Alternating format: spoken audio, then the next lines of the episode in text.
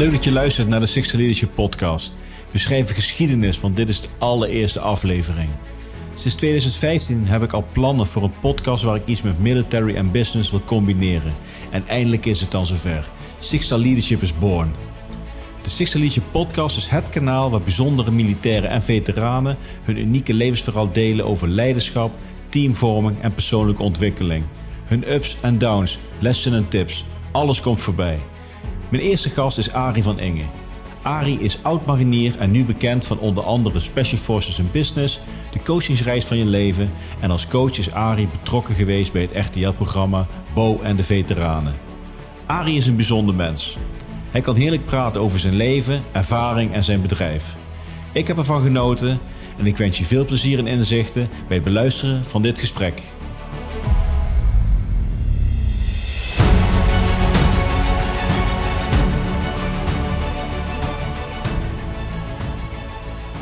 Hey, fijn dat ik hier mag zijn, Arie. Ja. Met jouw uh, fantastisch kantoor. Heel erg leuk.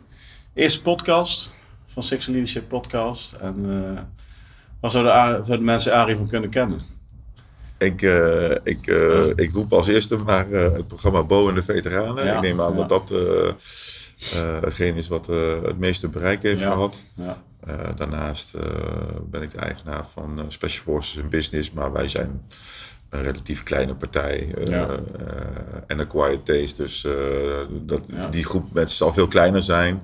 Ja. De coachingsreis van je leven is misschien wel een term die wat bekender is, omdat we daar best wel actief mee zijn op social media. Wanneer was dat? Sorry? Wanneer was met Bo? Wanneer was dat? Ehm, ja, de opnames die waren in eh, Ja. 2018 en dat is in eh, voorjaar, zomer 2019. eh, dus recentelijk is dat, Ja. is dat uitgezonden. Oké. Coachreis van je leven. Daar is, daar is ook het programma van Bo uiteindelijk uit voortgekomen. Ja, kijk, eh, eh, wij organiseerden die reizen al. Mhm. En, ehm, en wij hadden ook al het idee om dat met veteranen te gaan doen. Eh, sterker nog, eh, wat breder voor mensen in herstel. Dus eh, veteranen met PTSS vallen daar dan ook onder. Mhm. En uiteindelijk zijn we via via in contact gekomen met Bo. En ja, hij wilde daar graag televisie over maken. Daar hebben we gesprekken over gevoerd. En uiteindelijk is dat programma zo tot stand Ja, gekomen. ja, maar wij hebben eigenlijk gewoon datgene gedaan ja, wat, we al, eh, wat we al doen. eh, met mensen de, de outdoor omgeving opzoeken en, eh, en dan werken aan eh, ontwikkeling en of herstel. Ja, dus Bo is hier ook geweest. Eh, ja, sterker nog, hij heeft, hij heeft stoel gezeten. ja, hij heeft daar gezeten waar jij, Ja, ja, ja. eh, waar jij ook Ja, eh, nu ja. zit. En eh, die opnames zijn eh, uiteindelijk niet in het televisieprogramma gekomen. Maar het was wel leuk dat hij Ja. hier ook... eh, Ik zit op de stoel van Bo. ja, zo ongeveer, ja.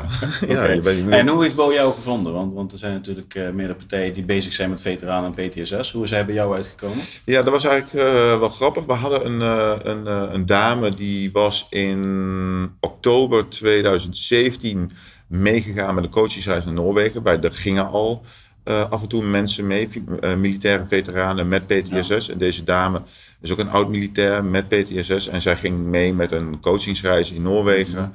Ehm, nou, dat, dat is haar goed bevallen. Ze heeft daar heel veel aan gehad. Eh, sterker nog, zij is momenteel ook actief in het bedrijf eh, eh, bij ons. En, ehm, eh, ja, en zij was daar heel enthousiast over. En zij had weer een, ja, een, een kennis die ook weer actief is in de veteranenwereld. Bij ECHO's onder andere. Ja, en de Stichting Veteranen en Thuisfront. En Roy Schuurmans heet hij. En Roy had weer een linkje met Bo. En Mm. toen heeft hij Bo benaderd. En zo ja, is eigenlijk zeg maar alles een beetje gaan rollen. Eh, wij waren daarvoor eh, als bedrijf zelf al bezig met andere partijen, waaronder BNN Vara. Om, eh, we waren al in gesprek over het maken van een programma. is uiteindelijk tot, op niets uitgelopen, omdat we ja, het niet bij elkaar konden brengen. Ehm, maar met Bo wel. En, eh, en vandaar dat dat, Ja. dus, eh, dat televisieprogramma is geworden. Goed, en Echo's, even voor de mensen die, eh, die kijken. Echo's is eh, eigenlijk een tehuis voor militairen in het buitenland. Een thuis voor militairen in het buitenland. Ja, volgens mij is ECHO's ook eh, de, de organisatie die de vroegere PMT's en Ja, zo precies. Runt, maar dus ook in Nederland. hè? Dus, eh, dus volgens mij zijn al die al die, die eh, ja, hoe zeg je dat, al die voorzieningen die Ja, vlakbij ja. kazernes zijn in Oorschot en eh, weet ik veel waar allemaal. Ja. Die zijn volgens mij ook, eh, worden gerund door Echo's. Maar ik weet daar ook niet Ja, alles van. vanuit, hoor. vanuit de geestelijke verzorging is dat ontstaan volgens mij. Ik ken ze wel van de goedkope sausijzenbroodjes Ah, en het goedkope biertje. Dus, Nou, dat is ook het belangrijkste, zou ik zeggen. heel goed. Maar je hebt, je hebt dus een, je hebt een defensieachtergrond bij de mariniers. Ja, klopt. Hoe lang heb je daar gezeten? Over een periode van 16 jaar heb ik er ruim 12 jaar gezeten. Ik ben er vier jaar uit geweest Ja. Om, eh, om een opleiding te doen. Eh, ik heb hotelschool gedaan tussendoor. En, Waar je eh, in Wageningen, Oh, de, middelbare Leuk. hotelschool. Ja. Ja? Oké, Ja. Ja, ik heb van 94 tot 96 heb ik daar gezeten. Eh, ik van, moet ik even goed zeggen, 93, 97. Oké, dan zijn we samen naar de grond geholpen. Ja, nou, dat is helemaal bijzonder dit. Oké, maar ik was dus bakkerschool. Dus dat is... eh, Oh, oké. Ja, nee, ik zat er echt op de, op de horeca, de Ja, vierjarige ja, ja. horeca-opleiding. Oké. En eh, ik had al een achtergrond eh, eh, in de horeca. Ik had eigenlijk mijn hele jeugd in de horeca doorgebracht. eh, eh, aan, de, aan de kant van het werk overigens. Ja, oké, oké. En, eh, en, eh, en eh, ik, ik, ik, ik, niet dat ik de ambitie had om in de horeca te gaan werken. Eh, maar ik wist wel dat de hotelschool een, eh, een opleiding zou zijn die een, heel breed, eh, een hele brede basis meegeeft. Ja, hè? Omdat je ja, heel ja. veel verschillende vakken hebt. En de hospitality is sowieso heel, vind ik heel leerzaam. Het gaat ook altijd over de interactie met mensen natuurlijk. Hè? dus aan de ene kant het bedrijfsmatige, soms ook wel het wat technische van, van zo'n hotelschool. Maar ook gewoon heel erg dat mensgerichte. En dat vond ik heel erg interessant. Dus ik dacht, ik ga gewoon die opleiding doen. Ja. En ik moet heel eerlijk zeggen, ehm, toen ik klaar was met de HAVO, zou ik eigenlijk naar de Hooghotelschool in Scheveningen gaan. Mhm. Daar was ik ook aangenomen. Alleen ja, ik had al zeven jaar over de HAVO gedaan. En mijn vader was daar niet heel erg content mee. Nee. En eh, toen zei hij tegen me, toen had je nog de dienstplicht. En toen zei hij van, nou misschien is het goed eh, als jij eerst de dienstplicht doet. ehm, en dan- dan daarna, naar de, want ik was aangenomen, dus ik mocht daarheen. Ehm, toen zei hij van ja, maar eh, doe dat maar dan maar niet. Doe maar eerst de dienstplicht Ja. en dan eh, de hotelschool. Want als je dat omdraait, want toen was er nog niet echt sprake van dat de dienstplicht opgeschort zou worden. Nee, nee. En hij had ook wel een punt, want hij zei, ja, als je dan vier jaar hotelschool hebt gedaan en dan ben je klaar met die opleiding en dan heb je nog weer die hinderlijke onderbreking van een jaar lang eh, bij Defensie eh, rondhuppelen.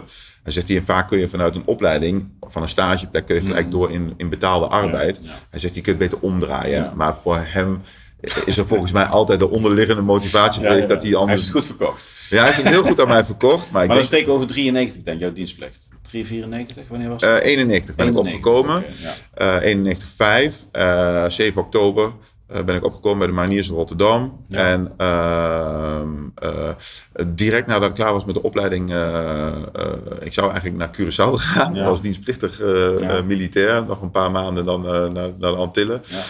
Ja. eh, om feest te vieren. En op een gegeven moment kregen we te horen eh, dat niemand eh, van ons opleidingsblok eh, Ja. naar de Antillen mocht. En als je naar het buitenland wilde, dan moest je een of ander formuliertje ondertekenen. En dan kon je mee naar Cambodja. Toen Ja. dacht ik, ja, wat maakt het mij uit? Als ik maar van huis ben, vind ik alles best. Dus ik heb dat gedaan. En ik was een van de negen uitgezonden dienstplichtige militairen in, in de missie Cambo 1, zeg maar. Dus, Maar het is heel anders dan Curaçao. Ja, maar het begon allebei met een C. En beide hadden ze palmbomen. Het was warm. Ja, ja. En eh, het was, het was eh Geen, geen. Mambo Beach. Nee, was, nee, eh, nee, nee. We zaten in de, we zaten in de knoek, zeg maar. Dus ja. Maar na, na de uitzending naar Cambodja ben je dan... En toen ben ik er dus weer uitgegaan. de, Alleen, naar de Marijke weggegaan? en ja, klopt. De Ja. hotelschool. Ja. Uiteindelijk toch de keus gemaakt om weer terug te gaan naar Defensie. ja, maar dat wist ik al voordat ik begon aan de hotelschool. Want eigenlijk was het zo, ik kwam als dienstplichtig militair op. Ik had echt werkelijk geen Ja, idee ja. eh, wat mariniers inhield. Nee. Ik wist het gewoon echt niet, ik kende het niet. Ehm, eh, alleen, ik had een eh, reguliere landmachtkeuring gedaan in Schalkhaar bij Deventer. Ja. Ik had daar overal ja op gezegd. Vervolgens werd ik uitgenodigd voor de keuring voor, voor het Korps Commandotroepen in Roosendaal en voor de, de marinierskeuring in eh, Amsterdam. Ja. Ik heb daar beide gedaan. Ik ben bij beide ben ik goedgekeurd. Ja. En toen heb ik gekozen op basis van, nou ja, de marinierskeuring die duurde drie dagen. En ik kreeg een paar schoenen en twee paar sokken. En dat vond ik net iets professioneler op dat moment als wat ze in Roosendaal hadden geboden. Ja. Dus toen heb ik daarvoor gekozen. Is dat, is dat bekend dat, dat mariniers destijds deden omkopen om mensen te recruiten? Ja, met, met, dat- met schoenen. Ja. Komt, ik weet het is verjaardag denk ik nu, dat is 15 jaar geleden, maar dat is... eh, Ja. Ja, nee, dus ja, dan praten we over 91. Ja, en uh, ik ben toen, ja, ik ben toen uh, naar de mariniers gegaan. Maar ik had echt werkelijk geen idee. Nee, nee. Ik heb ook echt in, in, uh, in, de opleiding rondgelopen. En ik dacht, ja, als ik gewoon maar zoveel mogelijk mijn mel dicht hou. En gewoon doe wat die lui Ja. zeggen. Dan komt het wel goed. Ja. En, en niet dat ik een heel slaaf jongetje ben, ben ik absoluut niet hoor. Maar ik dacht, ik moet ook niet te veel uit de band springen. Want dan, dan trek ik bijzonderheden en daar ben ik al goed in. Dus ik moet dat nu even een beetje, een beetje bewaken. Dus ja, uiteindelijk uh, heb ik die opleiding gehaald. Ja. En toen kwam ik dus in de positie dat ik... Ja, ik kwam dus vanuit Rotterdam. En gelijk stroomde ik in Doorn in, in een bataljon... wat al in het, aan het opwerken was Ja. om naar Cambodja te gaan. Ja, en daar, ik moet heel eerlijk zeggen... daar is het eigenlijk pas echt voor mij begonnen te eh, be- beginnen te leven... Ja. wat marinier zijn eigenlijk betekent. Dat, ja, de opleiding zelf...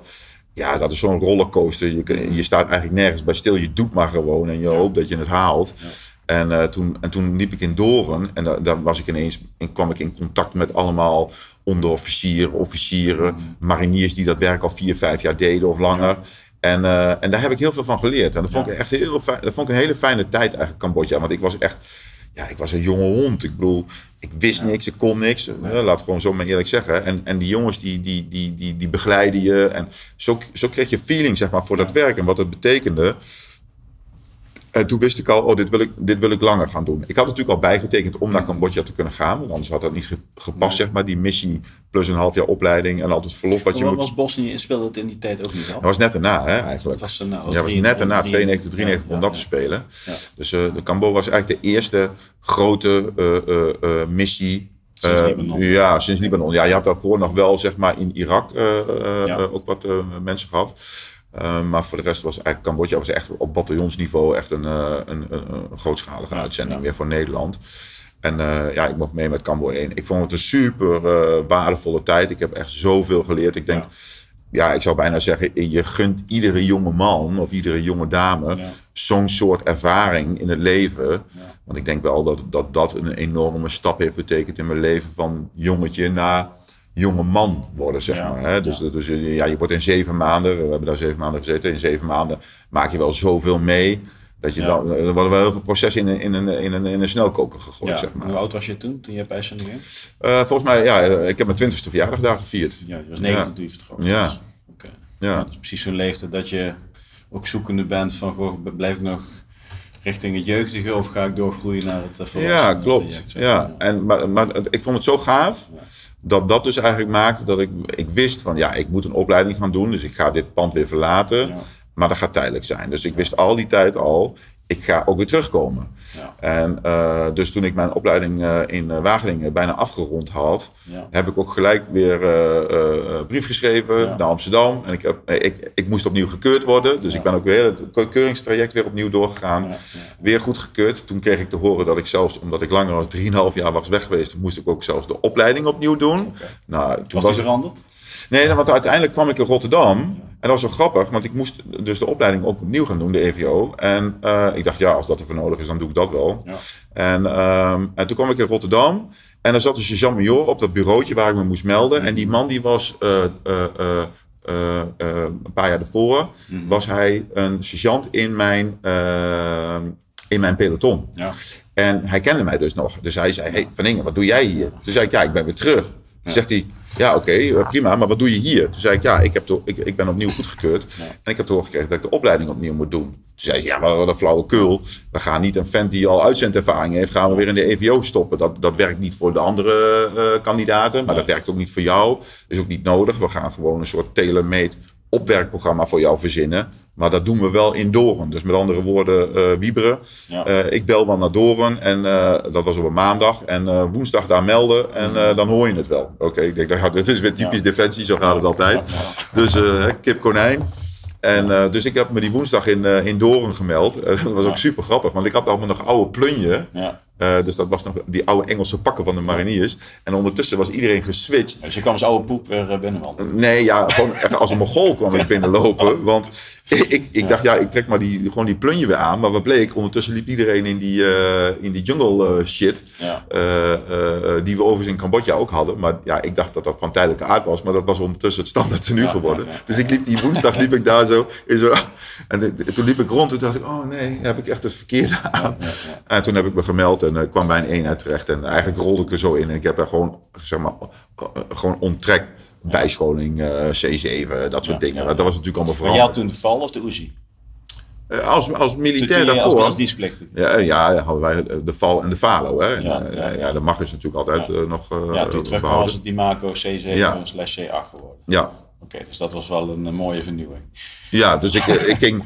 ja, want ik, ik kwam in, op 25 augustus... ehm eh 97 ben ik teruggekomen bij. Defensie. En ik zat eind september zat ik al in Noorwegen voor een bergtraining. En, eh, eh, maar toen was ik nog niet opgeschoold. En op een gegeven moment stonden we op een of andere eh, schietbaan. En dan moesten we daar als geweergroep moesten we daar overheen rennen. Maar ik mocht dat wapen niet vasthouden, vasthouden omdat ik niet geschoold was. Dus je kreeg de machtstandaard. Nee, nee, nee, mocht ik ook niet. Ik mocht helemaal niks. Dus ik mocht als een soort pinda-pinda roepend figuur, mocht ik daar een beetje over die baan. Maar ik mocht geen wapen vasthouden. En toen hebben ze me daar gewoon in Noorwegen heeft een of andere, eh, weet ik veel, wapenmeester of zo, die mij daar opgeschoold samen met nog een paar andere mensen die overigens, want er waren meer mensen hoor, die van bureautjes afkwamen, die ook allemaal nog niet opgeschoold waren. En die moesten ook allemaal weer current gemaakt Ja. worden. Dus het is allemaal goed gegaan. En eh, ik ben ergens wel blij dat ik de opleiding niet helemaal opnieuw heb moeten Nee. doen. Als ik het had moeten doen, had ik het gedaan hoor. Maar Ja. eh, ik vind het wel fijn dat het uiteindelijk niet hoefde. Oké, en toen, hoe lang je, ben je toen blijven hangen bij de ja, dus toen, nog, dus toen nog tien jaar. Nog tien jaar. Kun, kun je kort, even kort meenemen, die tien jaar, wat, wat, wat dat jou gebracht heeft en wat je daarin hebt meegemaakt, wat je eigenlijk zegt van nou, dit is me echt blijven hangen? Ja, eigenlijk eh, de eerste keer eh, natuurlijk eh, vanuit die dienstplicht kwam ik heel snel natuurlijk in een operationele eenheid terecht die uitgezonden werd. Ja. En toen ik terugkwam, ook wel eerst, ja kijk, eigenlijk in Doorn is bijna alles operationeel. Eh, maar eigenlijk vrij snel kwam ik eigenlijk in de gelegenheid om eh, ehm, voor een marinier 1, want ik ben altijd marinier 1 geweest en gebleven, dat wilde ik ook altijd. Ja. Ehm, om toch een beetje een, eh een staatsapart of zo in de organisatie te krijgen. Ehm, ik, ik kon bepaalde dingen eh, waar ze blijkbaar behoefte aan hadden. Ja. Ik was handig op eh, wat ze bij Defensie toen de toverdoos noemden. hè. ja, De, computer was een soort magisch apparaat. Maar daar was, ik, eh, daar was ik wel redelijk bedreven op. Nou, en in de landen blind is één oog gauw koning. Dus eh, ze konden mij wel gebruiken op basis van, die, eh, van dat soort kwaliteiten. En op een gegeven moment kwam ik bij een staforganisatie terecht. En Mhm.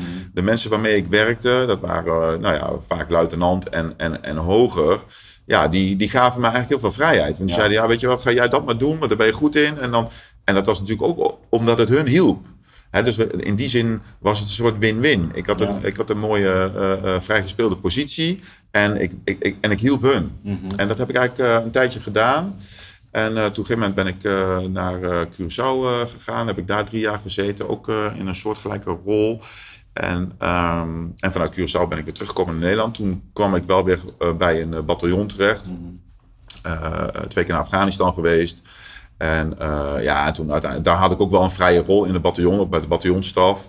Uh, super veel geleerd, uh, met mensen mogen werken die echt heel inspirerend zijn. Waaronder de huidige directeur operaties van Defensie, generaal Oppelaar. Mm -hmm. ja, dat was toen mijn bataljonscommandant. Daar heb ik heel intensief mee mogen samenwerken. Ja, ja. Dat is gewoon een man, daar kun je gewoon, ja, daar kun je gewoon bijna aan laven, zeg maar. Mm -hmm. Ik bedoel, dat is zo inspirerend om met, met iemand te werken, maar ook mensen als Tom Verbaan. Uh, dus ik, ik, kwam heel veel in contact met mensen die gewoon mm -hmm. ja, echt wat konden en ook ja. echt wat betekenen in de organisatie. En dan mocht ik heel dichtbij zijn en, en heel veel van leren. En dat, ja. daar ben ik heel dankbaar voor. Want ja. ik bedoel, ik wil niets tekort doen aan het werk als marinier 1, maar als je gewoon als een derde poppetje in het gelid uh, ergens rondloopt, ja, op een gegeven moment was voor mij daar zeg maar de uitdaging wel vanaf. En, Heb je nooit de ambitie gehad om zelf corporaal-sociaal Nee, nee, nee. Je hebt de HAVO afgerond jaar, ja, dus je had... Je had uh, bepaalde stappen kunnen nemen, beurs niet gedaan. Ja, sterker nog, het is me meerdere keren gevraagd of ik het alsjeblieft wilde doen. Ja, ja. Uh, zowel de, de, de, kaderopleiding, dus, uh, de, dus de, de corporaalsopleiding, mm. is me meerdere keren aangeboden. En ik ben zelfs twee keer gevraagd om de potom te gaan doen. Ja. Dus de officieropleiding. Maar heb ik eigenlijk altijd van gezegd, dat wil ik niet. Nee, nee. Ook omdat ik wist, van aan de ene kant wil ik heel graag weer terug naar Defensie. Dus ik wilde heel graag terug naar die marinierswereld. Dat wist ik heel, heel goed voor mezelf. Maar ik wist ook, ik ga het niet mijn hele leven blijven doen. Nee. Uh, en ik heb dus eigenlijk ook altijd gedacht, ja, waarom zou ik... Um, Hè, want dan praten we eigenlijk over die, over die tweede periode. Mhm. Uh, want de eerste keer was dat natuurlijk nog helemaal niet opportun. Dan had Nee. ik gewoon echt nog wel wat te, te leren.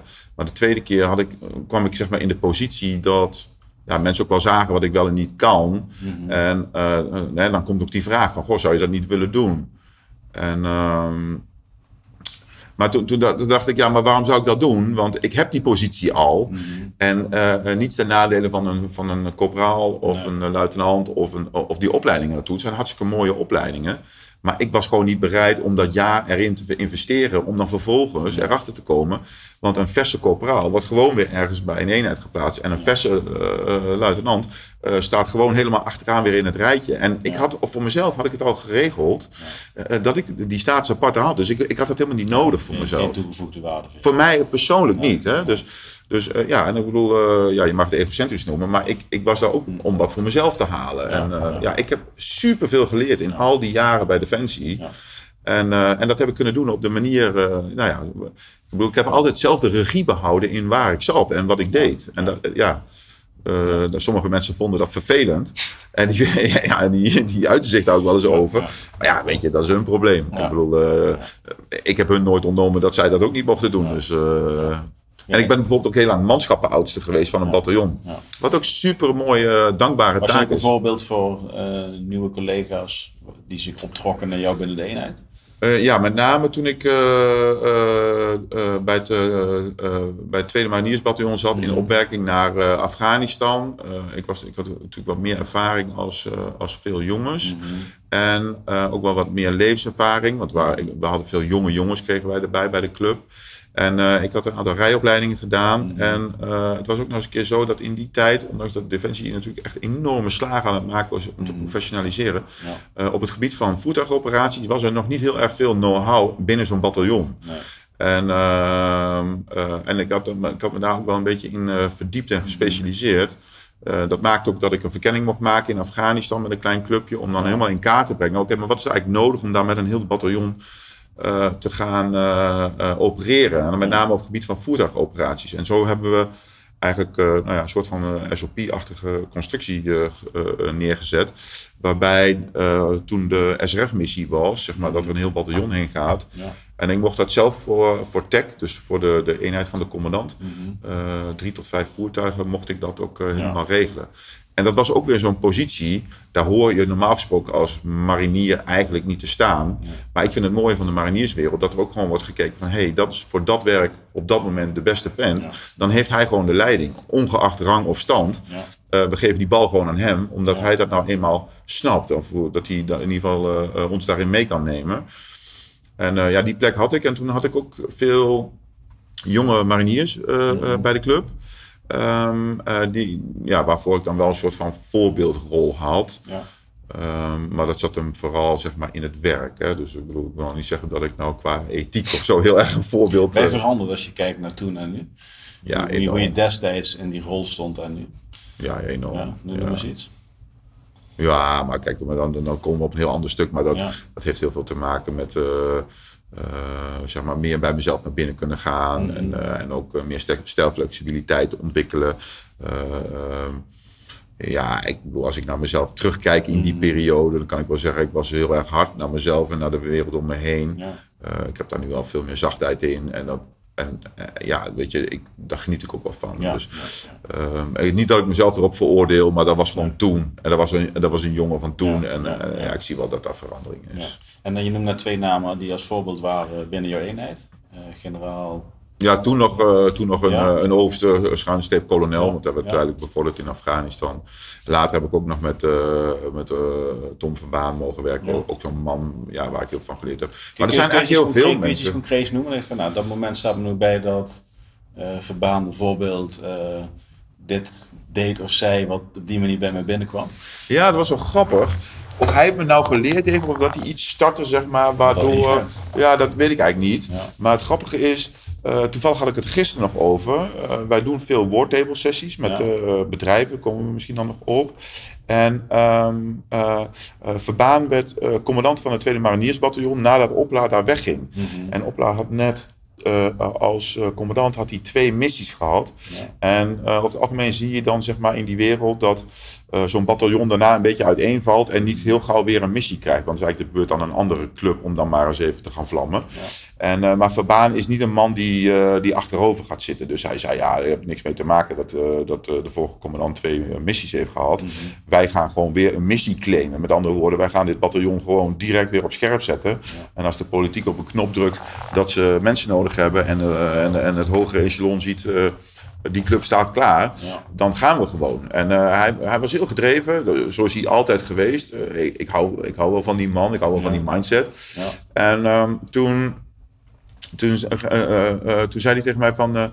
Arie, we moeten, een, een, een, we moeten de mensen bijeen gaan roepen in de kantine in Doren mm -hmm. van het hele bataljon. En we moeten ze wakker schudden. Want anders dan vallen ze in slaap. Want dan denken ze, oh, we hebben twee missies gehad. We gaan nu allemaal een beetje in de rusthouding. We gaan ze wakker schudden.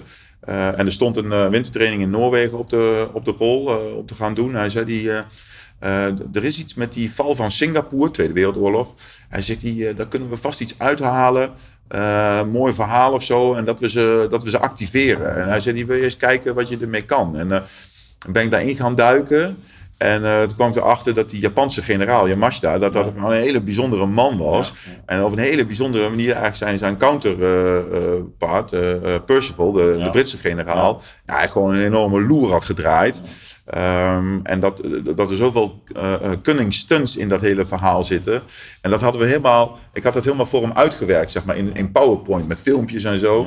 En, en dus, dus Verbaan treedt aan als commandant en zijn eerste alle hands Iedereen zit in die kantine en hij uh, begint op zijn uh, typisch, uh, zoals hij dat kan ja. doen, handen in zijn zak en hij gaat voor die troepen staan. En hij zegt, ja mensen, wakker worden.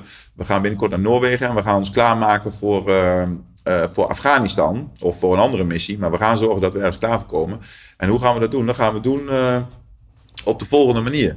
Uh, we gaan uh, alles manpack doen als bataljon. Hè? Dus hij wilde ook heel erg met die, met die muildieren gaan werken. En met, uh, maar hij wilde alles manpack gaan doen. Ja, en bij zo'n zo'n bataljon worden ook altijd eenheden als bijvoorbeeld 120 mm mortieren ja, toegevoegd. Ja, die ja, manpack met mortieren, dat is natuurlijk nog wel een uitdaging. Sterker nog, dat zit vaak helemaal niet meer in het, in het denkpatroon van de mensen dat dat nog kan. Hè? Want we hebben daar voertuigen voor om al die platen en al die pijpen te vervoeren en al die, die kisten met die, met die granaten.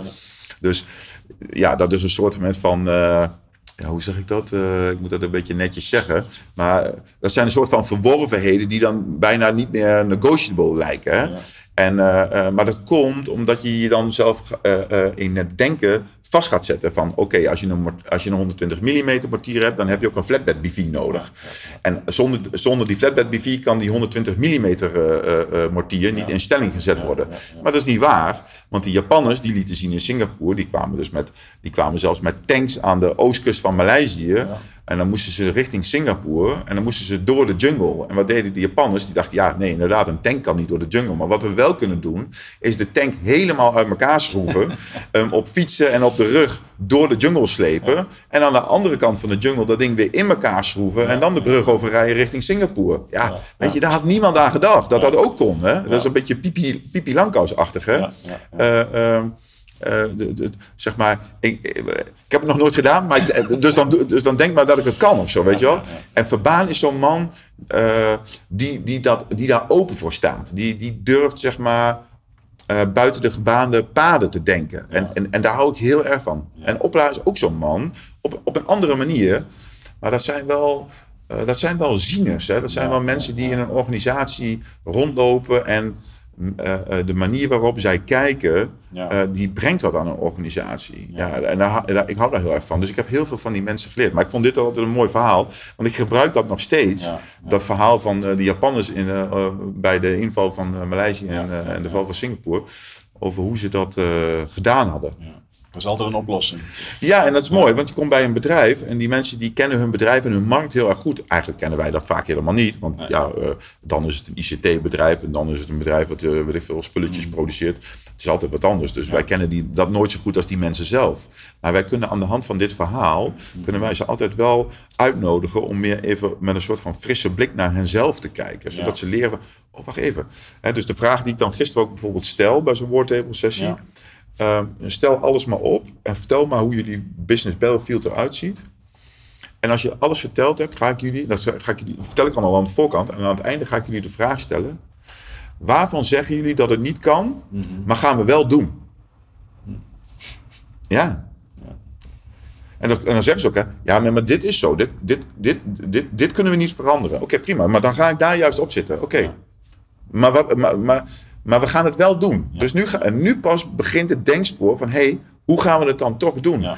Die oplossingsgerichtheid zit natuurlijk ook heel erg in het expeditionaire karakter van een marinier. Ja. Je wordt vaak gewoon met, met, een, met een crusader of met, een, met, je, met je plunje wordt je ergens afgezet. Gaat maar regelen. Hè? De eerste cirkel is gewoon je eigen persoonlijke veiligheid. Die van je buddy. Zorgen dat je een plek hebt om te snurken en om te eten. En vervolgens ga je die cirkel steeds verder uitbreiden. Maar het begint allemaal gewoon dat je uit een rugzak kunt leven. En meer heb je niet. Nee. Hè, grote seacons met allemaal voorzieningen komen altijd pas later. Ja, ja. Je staat er eerst gewoon met helemaal niks in een gebied wat je niet kent. Ja, mooi. Dus eigenlijk wat je zei, ook binnen, uh, bij de mariniers en binnen, Defensie zul je uh, scherp moeten blijven op verslapping. Dat je niet in de patronen belandt van achteruit Ook, ook daar ook daar binnen, binnen de, binnen de marinierswereld bestaat er zoiets als uh, berusting, uh, ja, achteroverhangen. Ja, natuurlijk. Het zijn ook gewoon mensen. Ja, het zijn, gewoon, het zijn gewoon mensen. En dat is ook juist het grappige. Maar je, je, dus, dus heel erg, het beeld is ook altijd, je, je wil mensen scherp houden. Hè? Ja. dus uh, ik hou wel van mensen die... En uiteindelijk toch gaan nadenken om de stap naar de burgermaatschappij weer terug te zetten? Ja, want ik wist eigenlijk dus altijd al, dat ga ik uiteindelijk wel doen. En ja. Uh, nou ja, Verbaan was degene die mij had gevraagd om nog een jaar langer te blijven. Ik wilde eigenlijk nadat uh, uh, Opla wegging, dacht ik, ja, dan is mijn tijd ook wel een beetje geweest. En dan mhm. ga ik, maar Tom Verbaan vroeg of ik nog een jaar wilde blijven, heb ik gedaan. En als dank daarvoor kreeg ik een heel mooi traject aangeboden. Mhm. Waar ik in een periode van vier maanden eigenlijk alleen maar de hele tijd assessments mocht doen. Allemaal verschillende onderzoeken uh, bij mezelf naar binnen. Mm -hmm. dus daar ben ik hem ook heel dankbaar voor. Dat is echt een hele mooie kans geweest die ik heb gekregen. Ja, en toen wist ik wel van, ik, ik, ik, ik dus ik ga eruit. En, uh, en ik was al actief wel in de, in de, in de, in met name in de coaching. Mm -hmm. En ik wilde daar ook eigenlijk mee verder gaan. Maar ik dacht, ja, ik kom van die defensieorganisatie af. dus dat is natuurlijk helemaal niet commercieel. Um, dus ik, ik, ik, dacht van mezelf dat ik ook mijn commerciële competenties, dat dat niet op een uh, fatsoenlijk niveau was om mm. voor mezelf uh, te kunnen gaan beginnen als ondernemer. En, uh, nou ja, en ook in die assessmentperiode kwam er heel vaak uit, want er zat ook allerlei beroepsoriëntatie-onderzoeken bij en zo. Mm. En heel vaak kwam eruit dat de commerciële arbeidsbemiddeling, dat dat een branche zou zijn waarin ik ja, waar ik wel goed in zou kunnen acteren. Ja, ja. ik, ik moet vreselijk om mezelf lachen. Want op dat moment dat dat gebeurde, kende ik een aantal mensen die in die branche werkten. En dat waren allemaal, allemaal of vrouwen of mannen die in mijn ogen gewoon uh, verwijfd waren. Ja. En, en, en dan kreeg ik elke keer kreeg ik dan zeg maar uit die, uit die testen kwam dan dat die branche heel geschikt voor mij was. En ik dacht bij mezelf, hoe, hoe kan dat nou? Weet je wel? Dat, maar goed, uh, ja, weet je, als het dan iedere keer uitkomt. Um, dacht ik, ja, dan ga ik het toch proberen. Weet je, ik moet ook niet te eigenwijs zijn en mezelf te vastzetten. Dus ik ga het gewoon proberen. Toen ben ik gewoon gaan solliciteren in die branche ik ook aangenomen. En dat bleek eigenlijk echt een gouden greep voor mij. Um, eigenlijk tweeledig. Ja, enerzijds was het echt super leerzaam. Want ik mocht ineens uh, in die periode van twee jaar dat ik dat gedaan heb... Uh, mocht ik uh, echt in de keukens kijken van heel veel bedrijven, klein en groot... Als het gaat over hoe ga je om met, met HR en met name met, met, ook met strategische inzet van, van mensen. Dus ook flexen en zo. En het was een super commerciële baan. Uh, dat was ook heel leerzaam.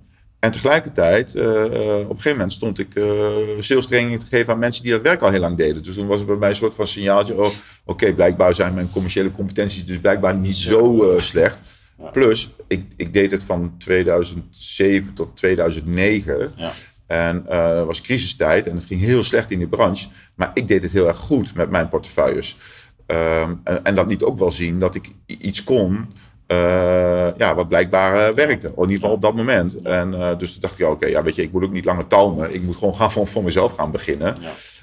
Um, dus zo ben ik uiteindelijk in 2009 echt ertoe gekomen om echt in te gaan schrijven bij de Kamer Koophandel en fulltime in de coaching uh, te gaan werken. Maar wat was je grootste uitdaging toen jij uh, vanuit Defensie in het uh, bedrijfsleven stapte, in je nieuwe baan? Ja, ikzelf. Ja, ja ikzelf. Ik was de allergrootste uitdaging ja. van het hele verhaal. Noem, noem eens iets. Wat zijn de dingen waar je shit, die heb ik echt...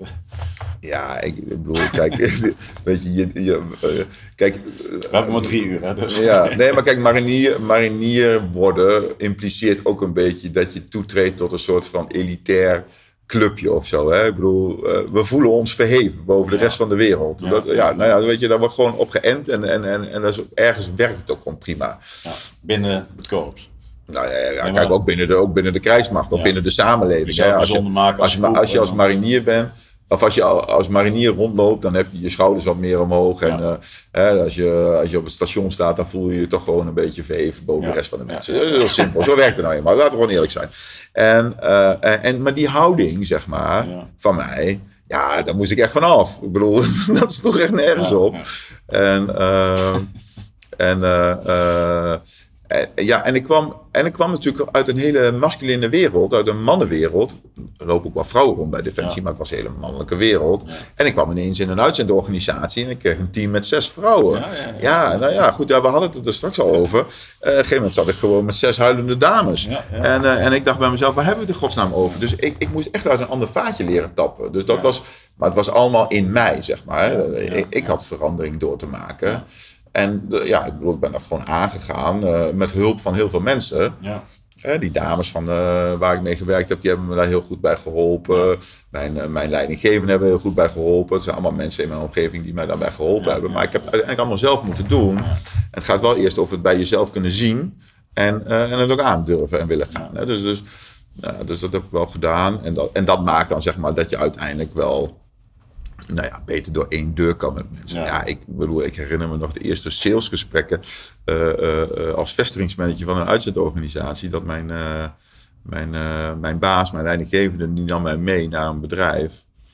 En daar zat een wat zelfingenomen directeur. En die dacht, oh god, er komt weer de zoveelste vestigingsmanager van dat bedrijf. Nou, ik zal het wel weer zien.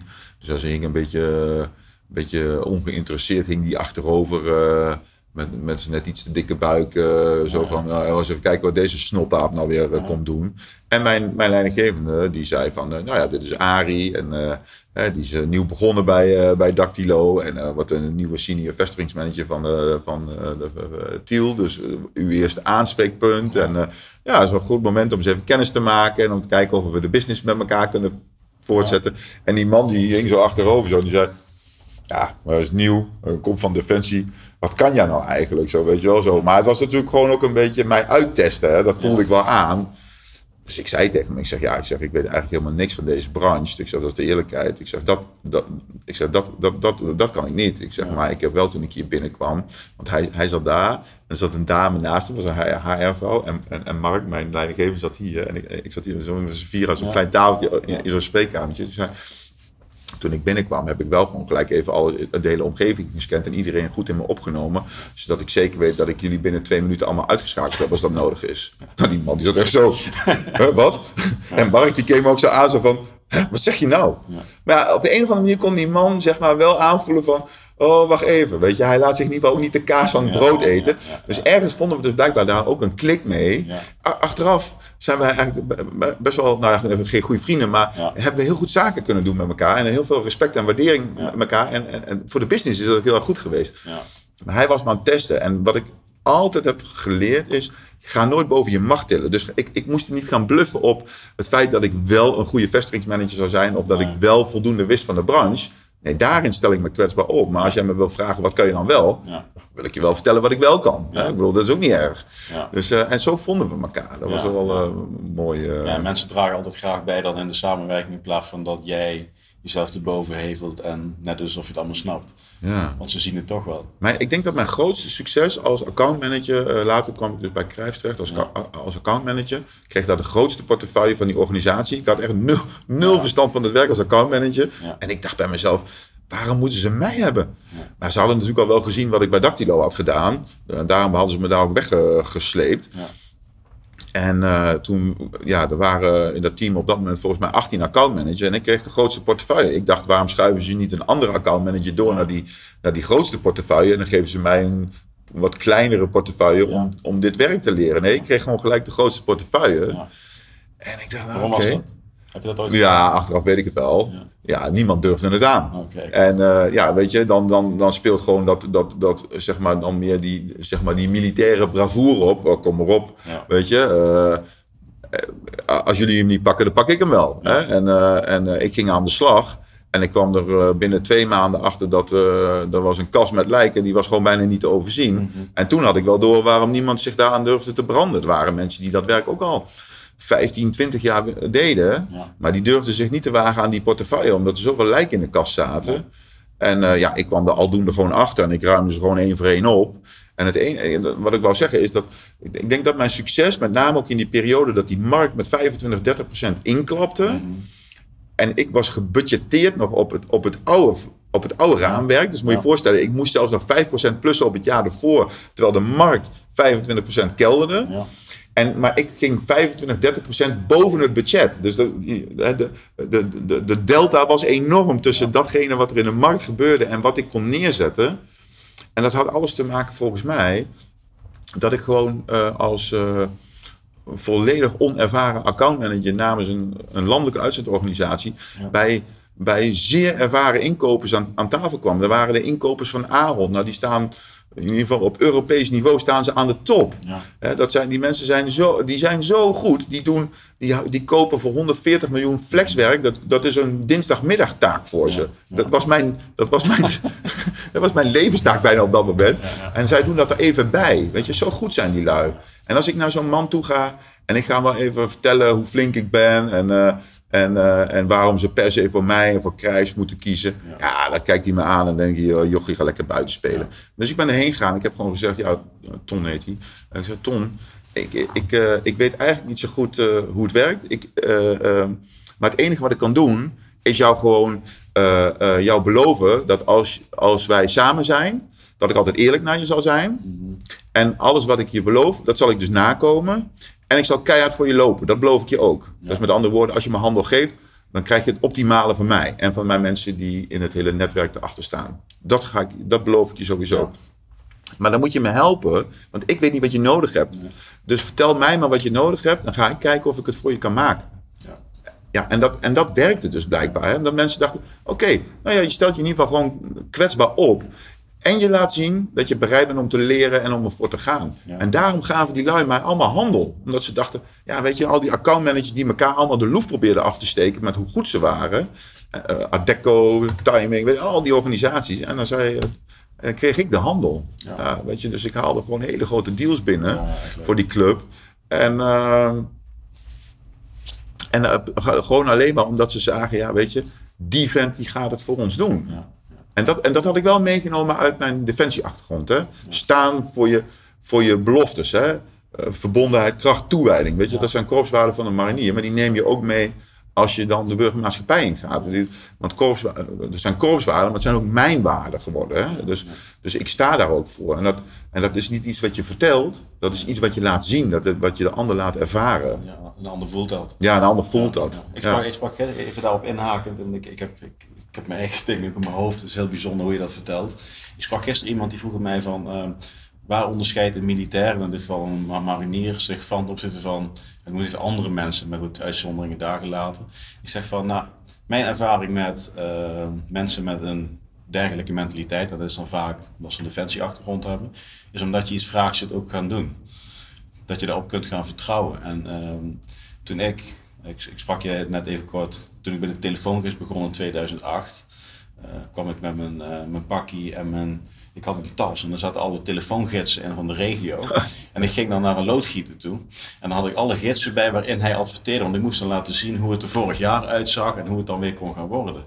En ze waren daar de straat aan het maken. Ik vergeet het nooit meer, was midden in Helmond. En toen zei ze me, hé, er komt de dokter aan. Dus ik, ik liep er echt bij als de huisarts. En ik dacht, wat de fuck is dit? Weet je, ik vond, ik vond het zo'n bizar verhaal. En uh, maar ik ging dus naar die klant toe en ik tekende mijn contractje en ik tekende nog een contractje. En toen hadden wij het eindfeest van dat kwartaal. Ik vergeet het nooit meer. Het Gids Eindhoven 2008. En uh, ik was een van de weinigen die zijn nieuw business target had gehaald. De rest had crisis. Maar zie je van ja, maar als, als de baas toch 10.000 euro nieuw geld vraagt, dan, dan leveren we dat toch gewoon. Dan ga je toch op zoek naar oplossingen. Ja. Ik vond het heel normaal. Ja. Alleen toen kwam ik dus achter dat het niet vanzelfsprekend was dat je op die manier naar een opdracht keek, naar een vraag. Je ging nadenken hoe je dat kon gaan leveren en je ging het gewoon doen. Ik vind het echt uh, heel mooi hoe je dat ook vertelt, hoe je die brug maakt naar, naar de. Ja, het is een stukje naïviteit en onwetendheid ook. En, Ja, maar en ook- klanten vinden dat mooi Ja. om, om dat te voelen ook. Ja, en het sluit ook eigenlijk wel aan bij wat ik zei over wat zo'n, wat zo'n man als Verbaan mij dan brengt. Hè? Zeg Ja. maar dat, die, dat, je, dat je ogen altijd open mogen staan. Kijk, eh, ja, natuurlijk is er crisis. En dat gebeurde dan ook bijvoorbeeld in de sales meetings bij Crijfs. Dan, Ja. dan zaten al die accountmanagers bij elkaar. En dan zei de salesdirecteur, nou dan kwamen al die slides. Hè? De portefeuille logistiek. Ja, eh, vertel het maar. Waarom is het eh, dit? Ja, Zorg, waarom is het dit? Kinderopvang, waarom is het dit? Oké, retail, waarom is het dit? Want ik had de retailportefeuille. Waarom gaat retail zo? ja, Hè, Het argument van het is crisis, dus het gaat allemaal slecht. Nou, in de retail voelen ze dat wel. Hè? Eh, dus hoe komt het dat, dat de retailportefeuille eh, eh, niet krimpt, maar groeit? Ja, en iedereen die wijst dan naar buiten, hè? Naar, naar, naar, naar de handen, naar de, naar de wereld. Van ja, maar het is crisis, dus als de markt 25% krimpt, is het niet zo gek dat mijn portefeuille ook 15 of 20% krimpt. Dan doe ik het eigenlijk nog best goed, was het idee.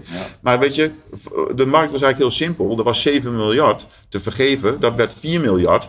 Maar als ik van die 4 miljard gewoon een enorm taartpuntje pak, heb ik nog steeds de kans om maximaal te groeien. Dus het, dus het gaat helemaal niet over het, over het procentuele beeld. Het gaat gewoon over wat kan ik daarin pakken. En dan moet je gewoon, ja, je moet gewoon, eigenlijk net als dan die Japanners eh, richting Singapore, je moet gewoon eh, stunts uithalen die gewoon misschien niet passen binnen de normale denkpatronen. Ja. Ja, je, zult, je zult af en toe naar jezelf moeten kijken en naar de, en naar de wereld om je heen. En dan zien van, hé, hey, eh, Ja. er is helemaal geen box, hè. Een van de grappige dingen was ooit... ehm, eh, vorig jaar hadden we een teammeeting. Toen zaten we met z'n allen bij elkaar. Toen zei, toen zei een van de coaches eh, bij ons uit het team... Die, zei, eh, die maakte een opmerking, eigenlijk naar iemand anders toe. Maar ik was daarbij. Die zei van, ja, ja, ik vind dat zo bijzonder dat Arie zo out of the box is. En toen zei een andere coach, die zei... "Dat- is echt heel raar wat je zegt. Want, want hij zit er nu bij, maar Arie weet niet eens dat er een box is.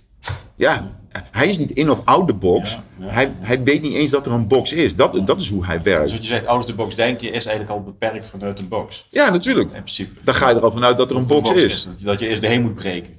Ja, Toch? Is dat ook de basis voor jou geweest om te gaan ondernemen? Die mindset, die denkwijze? Ja, ik denk dat ondernemen iets is wat altijd al in mij zat. Mhm. Ik denk dat ik altijd ondernemer ben geweest op de een of andere manier. Ja. En dat was ook wel grappig. Er was een, was een man die ik ken en eh, daar heb ik samen een heel groot eh, sporttoernooi mee op de Antillen georganiseerd. En toen begon ik voor mezelf. Ehm, en toen, toen zag hij dat via Facebook. En toen stuurde hij mij een berichtje van... Jezus, Arie. Dat dat zo lang heeft moeten duren of zoiets. Weet je wel. Hij, hij had zoiets van... Waarom, dit had je er al lang veel eerder kunnen doen, joh. Maar ik heb daar best wel nog mee gewacht. Ik heb, maar dat kwam ook omdat ik het heel erg naar mijn zin had bij Defensie. En omdat ik ook die leerschool van die commerciële arbeidsbemiddeling heel erg graag tot me wilde nemen. Ja. Dus ik, de zorgvuldigheid ervan zit hem daar ook wel in. Maar het is ook wel een deel, een beetje uitstel geweest van datgene wat toch onvermijdelijk was. Dat ik gewoon voor mezelf moest gaan Ja. werken. Want uiteindelijk ben ik iemand die wil ondernemen. Punt. Ja, ja punt. Ja, nee, ja, dat is het gewoon. Maar dat heb ik altijd gedaan. Maar toen ik bij Defensie zat, organiseerde ik bijvoorbeeld reizen voor mensen die in Indië waren geweest, of in Nieuw-Guinea, of in Cambodja. Dus ik was, al, ik was altijd op zoek naar, kan ik iets ondernemen? Ja, ja. ja en toen bestond eh, Special Forces in Business. Dat is vanaf het begin af aan ook de naam geweest? Nee, nee. Dus, eh, Hoe ik ben, begonnen? Eh, ik als, als eenpitter, was Ja. een eenmanszaak. Eh heette eerst Ares Mental Power. Ik was heel erg gericht op die mentale kracht, mentale veerkracht. Ja. En Ares is de Griekse god van de oorlog. Ja, Vond ik een mooi beeld, zo'n man op zo'n strijdwagen. en, ehm, dus hebben we eerst al een aantal jaren onder die naam heb ik eerst zelf gewerkt. Later groeide dat dan, komen er meer mensen bij. Toen toen werd het ARES, eh, toen werd het een VOF, toen werd het een BV. En nou, uiteindelijk hadden we ondertussen al wel de handelsnaam Special Forces in Business eh, tot ons genomen. Maar eigenlijk zijn we sinds eh 1 januari 2016 officieel onder die naam aan de slag.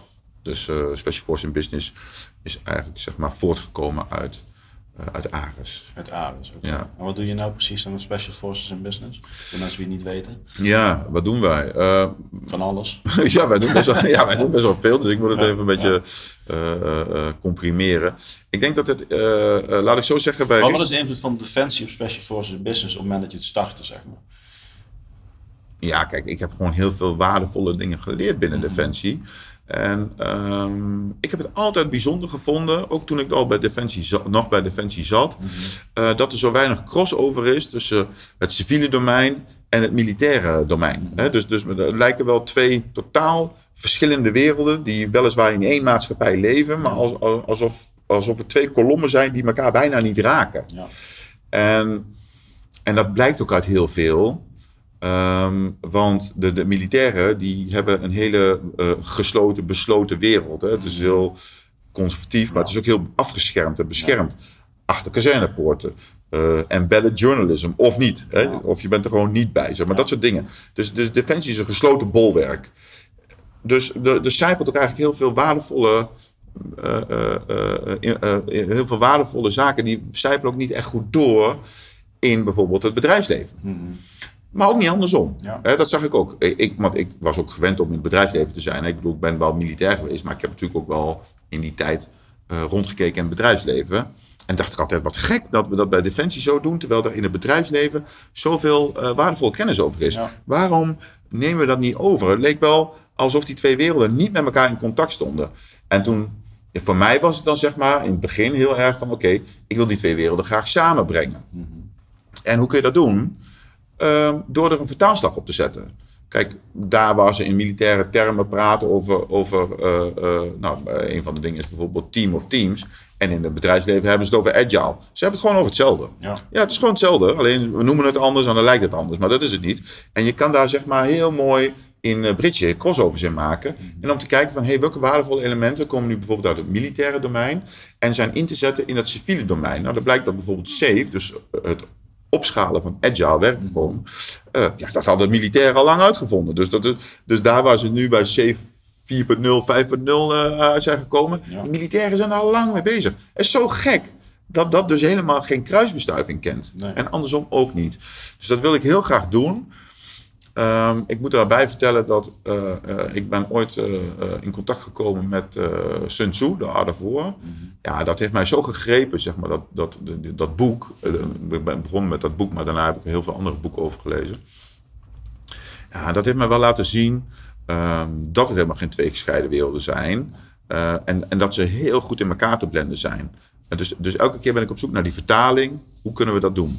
Nou, en daar, daar, daar is heel, uit, heel veel uit voortgekomen toen ik begon met een bedrijf, ging het over, met, eh, ik zei, het heette, in het begin heette het Aros Mental Power. Ja. Dus als ik ingehuurd werd, dan, was het, dan ging het dus ook altijd over dat soort thema's, als veerkracht en mentale kracht en zo. Maar ja, dat, in crisistijd, dat is dan ook weer zoiets raars, dat doen mensen allemaal van die contraproductieve bewegingen maken ze. Hè? Want dan gaat het eigenlijk niet goed. Dan gaan we dus niet meer investeren in mensen. Wat echt een, een, een totaal domme uh, uh, redenatie is. Maar ja, je ziet nou eenmaal dat ze dan op de centjes gaan letten. En het eerste waar ze op gaan beknotten is hetgeen waar ze het laatst op zou moeten doen. Ja. Dus, maar ja, goed, dus coaching heeft daar last van dan bijvoorbeeld. Hè? Want dan is er gewoon minder geld voor coaching in Nederland in de markt. Ja, en, ook, en dan is er een of andere idioot die dan uh, komt met mentale kracht en mentale veerkracht. Dus ja, daar is gewoon geen animo voor. Maar toen had ik een beetje geluk. Hè? Geluk moet je soms ook hebben. Want er kwam uit de anglo-saxische wereld kwam eigenlijk het engagement management overgewaaid. Hè? Dus de betrokkenheid en bevlogenheid van medewerkers in relatie tot organisatieresultaten. En toen gingen er hier lampjes branden van, oh wacht even, soft skills zijn dus wel degelijk belangrijk, ook als het gaat om KPI's en om harde cijfers. Dus we kunnen wel heel tijd sturen op processen en op uh, uh, en alle dubbeltjes uh, in de machinerie tien keer omdraaien, maar misschien moet, kunnen we veel meer geld verdienen of veel meer rendement genereren als we op soft skills gaan zitten. Dus en toen waren er een aantal partijen in Nederland, allemaal een beetje aangevoerd uh, uh, uh, door een man, Willem van Renen. Die was een, ja, dat was een soort van academicus, zeg maar, die met engagement bezig was. en er waren ineens een aantal partijen die waren daar wel echt goed in geworden. Die hadden zich er snel in verdiept. En zo werd het engagement management ook in Nederland wel ja, een beetje een hype, zou ik zeggen. Mm. Maar wat die partijen niet deden, was zeg maar het van eh, eh, eh, dat academische niveau en vanuit meer de consultancyhoek, dus onderzoek doen naar hè, hoe is het gesteld met het engagement, Ja. naar gewoon heel praktisch. En hoe gaan we dat engagement dan verhogen, zodat we ook kunnen aantonen dat het ook daadwerkelijk die effecten resulteert. Ik dacht, nou dan ga ik dat doen. Dus ik ben gewoon in mijn Een praktische vertaalslag maken. Ja, dus ik ben in mijn eentje eigenlijk aan de slag gegaan. En ik heb bijvoorbeeld een scanmethodiek ontwikkeld. Nou, ik durf nog steeds te zeggen, ik ben de enige die dat in Nederland heeft. Ja. Waarbij ik dus zeg maar soft skills van eh, mensen in een organisatie kan eh, eh, meten, vaststellen. En dan mag de organisatie zelf bepalen welke KPI's zij belangrijk vinden. Dus eh, dat, dat, dat interesseert mij op zich niet zoveel. Ze mogen dat zelf bepalen. En dan creëren we een nulpunt. Hè? Dus op dat moment zeggen we van oké, de soft skills staan hier. En de KPI's staan hier. Dan gaan we een traject met elkaar aan. Dat is gericht op de soft skills. En dan kan ik het causale verband ten aanzien van de verandering in de KPI's aantonen. Want ik kan dat, ik kan dat meten. Ja. En ik kan dus ook uiteindelijk zeg maar, het return on investment van een programma op soft skills aantonen. Kijk, en dan maak je de stap van ja, een of andere mooi rapport over eh mede. Kijk, ik hou helemaal niet van medewerker, eh medewerker tevredenheidsonderzoeken, want het zegt helemaal niets over medewerker tevreden is. Want het wil helemaal niet zeggen of hij dan bijdraagt aan de organisatieresultaat. Het zegt alleen maar dat hij tevreden is. Ja. eh, eh, eh, 500 tevreden medewerkers die niks bijdragen, heb ik geen moer aan in mijn bedrijf. Dus, dus ik zou dat niet willen weten. Maar engagement management gaat veel verder, gaat veel dieper. En gaat over eh, contribution, hè? Dus, dus in hoeverre mensen het bijdragen. Ja, en dat is aantoonbaar te maken. Dus ik kan dat meten en ik kan het laten zien. Maar dan kan ik dus ook laten zien, oké, op basis van jouw KPI's, van jouw bedrijf, dit is wat het oplevert. Als we nu de komende half jaar dit gaan doen, garandeer ik jou gewoon dat we hierop uitkomen. Ja. Kijk, en dan zegt een CFO ineens wel van, oh wacht even, dus als ik een euro erin stop en ik krijg 2,6 euro terug, Ja. nou, hey, dan ben ik wel bereid om te tekenen voor een programma wat gaat over iets vaags als soft skills. Ja. Want anders gaan ze alleen maar nieuwe machines kopen omdat ze kunnen uitrekenen wat die machines per uur produceren en wat ze kosten per uur. Dus dan wordt altijd daarop gestuurd. Terwijl, ja, laten we gewoon heel eerlijk zijn, wij leven in een samenleving. In Nederland is gewoon toch de mens nog steeds gewoon, eh, zeg maar, eh, het capital of the organization. Ja. Dus eh, human resources zijn nog steeds gewoon A, duur en B, belangrijk. Ja. Dus als je geld wil verdienen, moet je daar zijn. En niet op het 10.000 keer omdraaien van een, van een proces. Ja. Wij kwamen dus ook in die tijd dat het engagement management opkwam. En ik me specifiek richtte op, oké, niet alleen de thermometer erin hangen en, en, en zeggen van ja, dit is de staat van waar het nu is. Maar ook gewoon programma's ontwikkelen en het meetbaar maken. En zeggen oké, en dit is de uitkomst. Dit gaan we ook doen. Hè, dus ik, ik, had- ik bood de hele trein aan. ja. En, en, en, en toen, toen we daarmee bezig waren, In het voortraject gaf jij al aan hoe, hoe het eindpunt eruit zou moeten, moeten gaan zien. Ja, ik durfde er ook beloftes over te doen. In die zin van dat ik zelfs mijn be- betaling eraan durfde te koppelen. Ja. Dat is ook gelijk dan een thema wat ook belangrijk is. Is eigenaarschap. Ja. Kijk, als een bedrijf zegt... Ja, wij hebben een eh, enorme uitdaging. eh, de KPI's die staan op dit niveau. Willen wij wel gaan investeren in deze mensen? Dan zeg ik, nou weet je wat? Als je gaat investeren in deze mensen... dan gaat het dit met de cijfers doen. Met andere woorden, dan kunnen we gewoon uitrekenen... wat dat jou als organisatie oplevert. En eh, eh, het programma kost zoveel. Maar als, als ik eh, underperform, hoef je me dat maar te betalen. Maar als ik overperform, dan ga je me dat betalen. Ja. Nou, dan zeiden ze, oh, nou, dat, eh, eh, dus met andere woorden, jij durft wel eigenaar te worden van ons probleem. Ik zei, ja, natuurlijk. Ik geloof erin dat het werkt. Dat kan ik aantonen. Ja. Dus, ik kan, eh, dus ik geloof wel. En ik sta ook voor de kwaliteit van mijn werk. Dus ik durf er ook voor te tekenen. Als ik gewoon slecht presteer, vind ik het ook terecht dat je me niet het volle pond betaalt. Maar als ik goed presteer, beter als dat je had verwacht, en dan levert je ook meer op als dat je had verwacht, dan ga je me ook meer betalen. Nou, weet je, maar iedereen wil die deal aangaan. Ja, mooi. Ja, En je zit nu helemaal op de soft skills, wat je nu doet. want eh, kijk, dat is wel grappig. Want in die, dat wil ik dus zeggen, in die periode dat wij daar heel erg mee bezig waren, eh, ehm, eh, was ook zeg maar de hype van de black belts. Hè? Uh, Ja, ja, Sigma ja. en zo. Ja, ja. En dat, is, dat zijn natuurlijk nog steeds populaire gasten binnen bedrijven. Ja. Eh, maar wat de black belts doen, en dat is een beetje een gechargeerd beeld Ja, ja. hoor, maar wat black belts doen is procesoptimalisatie. Hè? Daar zijn ze op gericht. Maar niet op de mens. Nee. Eh, dus er komen fantastische flowcharts, er komen fantastische plannen. En eh, die kun je iedereen uitleggen. Eh, en iedereen zal ze ook, als je het goed doet, ook wel begrijpen. Maar dat wil nog niet zeggen dat ze het gaan doen. Nee. En ehm, eh, eh, wij kwamen vaak in organisaties waar de black belts al geweest waren. En er een enorme teleurstelling was over de puinhoop die het had achtergelaten. Hè? Want dan waren er wel nieuwe plannen. Eh, eh, niet goed doorlopen reorganisaties of verandertrajecten. Mensen zwaar ontevreden. De zoveelste verandering die weer niet gelukt was. Weer eh, mensen eruit gevlogen. Weet ik veel wat er allemaal van ellende achter was gebleven. En dan kwamen wij binnen. Een En ideale dan, situatie jullie. Ja, ja, want het is natuurlijk een enorme uitdaging. Want die mensen die zijn helemaal klaar met externe. Ja. Hè, want als je binnenkomt, dan, eh, is, dan hebben ze bijna de pek en veer al klaarstaan om je weer naar buiten te sturen. Want ze denken ze, ja, weer zo'n weer zo'n stelletje randebielen die ons wel even komen vertellen hoe het allemaal anders moet. Want je bent gewoon de twintigste op rij op dat moment. Maar ja, dat is een mooie uitdaging, hè, om dan te laten zien waar je voor staat. En eh, als je daar niet aan durft te gaan, moet je ook inderdaad gewoon wegwezen, vind ik. Dus wij gingen daar ook wel echt voor. Ehm, ehm, eh, en dan kom je binnen in zo'n club.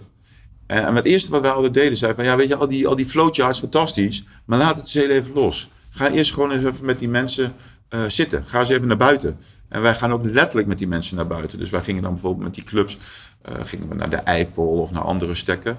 En dan zetten we ze gewoon eens even in het bos neer. Oké, Ja. ga eens even zitten, kampvuur aansteken. Vertel nou eens even, wat is er volgens jou aan de hand? En dan niet gewoon even kunnen vertellen en dat daarna niet naar geluisterd werd. Nee, echt het gesprek met elkaar aangaan. Van hoog tot laat, van CEO tot schoonmaker. Iedereen mocht aan het kampvuur zijn, verhaal altijd vertellen. Ja. En, dan, en, dan, en dan kwam er heel veel pijn omhoog. En dan werden er... eh, dan werden de zwaarden, die werden, de messen werden geslepen, zeg maar. En dan was het heel spannend, hè. En het, het vuur laaide ook op. Letterlijk en figuurlijk. Maar het maakte wel dat ik er ruimte kwam voor zoiets als rouw. En de mensen dachten dan in het begin, als ik daarover begon, rouw? Hoezo rouw? We werken in een bedrijf. We hebben toch gewoon kans om verder te gaan. Moeten alleen even wat aanpassen en dan gaan we verder. Nee, maar wat iedereen vergeet, is als je in een bedrijf iets verandert, dan verandert er wat voor die mensen. En als mensen wat verandert, eh, de werkplek of, of, of eh, eh, de, een deel van de cultuur waar ze gewend waren. Weet je, er is ook gewoon rouw. Je verliest ook iets. En als je daar niet bij stil kunt staan, hoe kunnen mensen iets nieuws omarmen als ze het oude niet los hebben gelaten? Dus wij zaten eigenlijk altijd heel erg op het thema rouw. Een beetje, dat deden we nu te opzichtig. Maar, maar dat maakte wel dat organisaties weer in beweging konden komen. Want als mensen dan door dat proces van rouw heen waren, dan waren ze ook weer klaar om iets nieuws te omarmen. Dan zeiden ze ineens, oh ja, nee, ik wil hier best wel voor gaan. Ja. Die tekening van die black belt is helemaal niet zo slecht. Alleen ik had het eerst even voor mezelf te verwerken dat ik dat wat ik had Ja. allemaal kwijt ben geraakt. Ja. Daar mocht ik bij stilstaan, daar was tijd voor. Daar is aandacht voor geweest. Ik ben gehoord. En nu ben ik bereid om met jou samen weer verder te gaan. Dat was de truc die we toepasten. Ja, dat was reet effectief. Ja. En Dus eigenlijk eigenlijk- is het nog steeds belangrijk. Dus het is eigenlijk, ehm, op het moment dat je mensen in een veranderende omgeving niet de mogelijkheid geeft om te rouwen, gaan ze weerstand vertonen tegen de verandering? Ik zeg altijd, mensen zijn niet tegen verandering. Mensen zijn altijd tegen het verlies wat verandering oplevert. Dus, dus als je van tevoren weet, ehm, de verandering gaat voor mij beneficial zijn. Dus ik, ik ga er meer voor krijgen dan dat ik had. Ja. Dan ben je wel bereid om gelijk aan. Dus mensen zijn niet tegen verandering aan zich. Nee. Maar als de verandering in het proces of aan de voorkant oplevert de vraag: ehm, gaat dit wel een- voor mij voordelig worden? Ja. Hè, of wat ga ik verliezen? En het antwoord is nog niet bekend. Ja. Ja, dan, dan, dan komt er dit, zeg maar. Dan terughoudendheid of weerstand. Of zelfs gewoon echt totale apathie of, of, of tegenwerking. Ja. Dus bij verandering is het heel goed om je te beseffen dat je mensen mee gaat nemen in de verandering. Ik werd een keer ingehuurd als interim manager door een organisatie. En die, die, wilde, ja, die wilde gewoon eigenlijk 40% van de mensen eruit hebben. Ja, was gewoon, ja, was gewoon een reorganisatie. Er moesten gewoon mensen weg. En, eh, maar die manager die mij inhuurde, die, die, die dacht, ja, als ik die boodschap ga brengen, dan ben ik natuurlijk voor de rest van de tijd ben ik hier de grote klootzak. Dus dan, eh, dat, eh, dat gaat, dan kan ik beter iemand inhuren. Ja. Die is dan tijdelijk de klootzak. En dan loop ik daarna enigszins vrij van blamen rond, loop ik rond. Dus, dus nou goed, ik, bedoel, ik laat me daar wel voor inhuren. Ja. Want ik vind het een mooie uitdaging. En, ehm, en natuurlijk is er altijd geld beschikbaar voor dat soort mensen. Outsourcing. En, ik, bedoel, ik weet natuurlijk hoe die markt werkt. Eh, maar die mensen moesten eruit. Punt. En eh, wie ging worden, dat, dat was nog te bezien. Maar er, er moest gewoon in, in, ingeslonken worden. En ik had een gesprek met die, met die beste man die mij inhuurde. En toen zei ik, nou ja, weet je, ik wil het wel doen. Eh, ik, snap, ik snap het verhaal. En, maar dan wil ik het wel graag op mijn manier doen. Is dat oké? Ja, als, je- als jij denkt dat dat werkt, dan, eh, je hier mijn handtekening en dan gaan we het doen. Toen heb ik gezegd, nou dat is prima, gaan we het doen. En toen heb ik gelijk al die mensen, de eerste werkdag die ik had, heb ik al die mensen bij elkaar geroepen. Gewoon de hele zaal. En het eerste wat ik heb gezegd is, ja, ik heb eh, eh, goed nieuws, ik heb slecht nieuws. En ik begin met slechte nieuws. En dat is dat eh, over een paar maanden 40% van de mensen hier er niet meer zit. Nou, dat was natuurlijk alsof er een soort tsun- tsunami door die zaal rolde. zo van, ja, ja. oh mijn hemel, wat is dit voor Mogol? Ja. En die komt er gewoon... mensen kennen jou nog niet. Nee, die kennen me helemaal niet. Eerste kennis maken. Ja, en toen zei ik, en dan ga ik nu gelijk over naar het goede nieuws. Ik zeg, niemand gaat hier weg zonder dat het een verbetering gaat opleveren voor die persoon. Ik zeg, en daar ga ik persoonlijk voor zorgen. Ik zeg, voor iedereen gaat het een verbetering worden. Dus als je weggaat, ik zeg niet dat je weggaat, maar als je weggaat, wordt het een verbetering voor jezelf. Ja. En daar ga ik voor zorgen. Dus eh, nu hebben we de komende tijd om daar aan te gaan werken. Dus ik ga gesprekken met jullie voeren, bla bla. Dus dat hele ding. En, en daarna was die sessie afgelopen. En die man die zei, "Wa- wa- waarom doe je dat nou? Hoe kun je dat nou beloven? Toen zei ik, nee, dat, eh, ik heb het al beloofd en we gaan het gewoon doen. Ja. Er is gewoon geld om die mensen af te vloeien. Dat geld gaan we effectief gebruiken om voor iedereen te zorgen dat het beter wordt. Ja. En er zijn mensen die mij nu nog wel eens een berichtje sturen. En die zeggen, ik vond het toen super kut om te horen eh, wat je zei. Maar uiteindelijk heeft het me opgeleverd dat ik weg ben gegaan bij dat, bed- bij dat bedrijf. Ja. Eigen keuze. Ik ben weggegaan bij dat bedrijf. Ik heb me mogen omscholen en ik heb nu een andere werkplek. En ik voel me er eigenlijk veel fijner. Ik ben je eigenlijk super dankbaar. A, dat je eerlijk bent geweest. En B, dat je, dat je me de kans hebt gegeven om dit ook in mezelf te vinden. Want anders had ik dit gewoon nog twintig jaar gedaan. Ja. Zagrijnig. En dan had het misschien ook wel eh, tot mijn pensioen gewerkt. Maar ik ben eigenlijk super blij met de stap die het heeft opgeleverd. En soms moet een deur nou eenmaal dichtgaan zodat een andere zich kan openen. Ja. Ja. En ik wil daar best staan. Ik wil best bij die deuren gaan staan. En ik wil, ja, ik weet dat dat soms niet een populaire plek is. Maar het is wel de plek waar je het verschil kan maken. Ja. En, eh, en, en, en ik, ik heb wel oprecht voor die mensen geknokt om te zorgen dat ze allemaal eh, eh, er beter uit zijn gekomen. Ja. En je creëert eigenlijk vanaf het eerste moment medewerking van de mensen. Om uiteindelijk het beste voor zichzelf te kunnen gaan creëren. Ja, ik heb- Met ondersteuning. Ja, kijk, je kan natuurlijk zo'n boodschap heel langzaam in vier maanden erin laten vallen. Of je gooit hem gewoon gelijk aan de voorkant erin en je zegt... en ik ga nu alles ervoor doen om te zorgen dat Ja. het voor jou zo goed mogelijk uitpakt. Dat is het verschil. Ja. Ja, waarom zeg ik het nu? Dan hebben we meer tijd. Toch? Ja, maar dan hebben we vanaf Ja. nu gelijk... Dan hebben we de klap maar gehad. En dan hebben we nu al die tijd om daarmee te gaan dealen... en om te zorgen dat we het goed maken. Ja. Dat is veel handiger dan dat je die pleister probeert zo zachtjes mogelijk eraf te trekken... in de hoop dat niemand, niemand wakker wordt. Ja, dat is, is gelul, want uiteindelijk worden ze wakker en wat is hier aan de hand? Hoe, hoe je deze boodschap bracht en je kijkt dan naar je eerste dag in, in het bedrijfsleven. Er is toch een wereld van verschil dan hoe jij connecte met de mensen waar je, die je om je heen had. Ja, maar ik, dit is ook al een hele tijd terug hoor, dit voorbeeld wat ik nu geef. En eh, ik denk dat er bepaalde dingen altijd al wel in mij zaten. Hè. Ik denk dat ik altijd wel zeg maar diegene ben geweest die niet wist dat er een box was. Ik denk dat ik altijd wel degene ben geweest die ondernemend heeft. Ik denk dat ik altijd iemand ben geweest die gewoon van de directe approach is geweest. Ik hou niet van, van zoete broodjes bakken of dat soort dingen. Dat zat altijd al in me. Maar ik heb ondertussen natuurlijk ook wel andere dingen in mezelf gevonden waar ik minder tevreden over was. En waarvan ik dacht, ja, daar wil ik mezelf wel in gaan verdiepen, verbreden. En ja, dat geeft mij meer stijlflexibiliteit. Hè? Ik bedoel, daar waar ik het soms in het begin heel erg moeilijk vond om ineens met zes huilende vrouwen te zitten, eh, kan ik daar nu beter mee dealen, zeg maar. En eh, ik kan mezelf daar bijvoorbeeld dan ook kwetsbaarder in opstellen. Terwijl ik toen echt zoiets had van, oh mijn hemel, wat moet ik hiermee? Weet je, dat ik mezelf eigenlijk alleen maar afschermde. Dat, Ja. En, ik, heb, en- ik heb een keer één huilende vrouw op het bureau gehad, dat vond ik al eh, pittig. Ja. ja.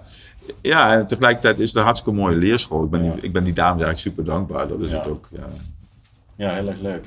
En bij ehm, persoonlijke ontwikkeling, investeren in jezelf, eh, kijken naar jezelf, dat is ook echt wat je zelf hebt gedaan. En wat je nu dus ook met, eh, met onder andere de coachingsreis doet. Ja. Eh, kun je er wat meer over vertellen? Ja, kijk, eh, net als bij Defensie, ik zei in het begin van, ik had mezelf in een soort moment van positie gemanoeuvreerd waarbij ik een vrije rol had. Dat ik zelf een beetje de regie had over Ja. wat ik deed. Ja. Ik geloof dat ik altijd wel dat heb gedaan in mijn leven. En eh, dat is ook wat ik eigenlijk met dit bedrijf heb gedaan.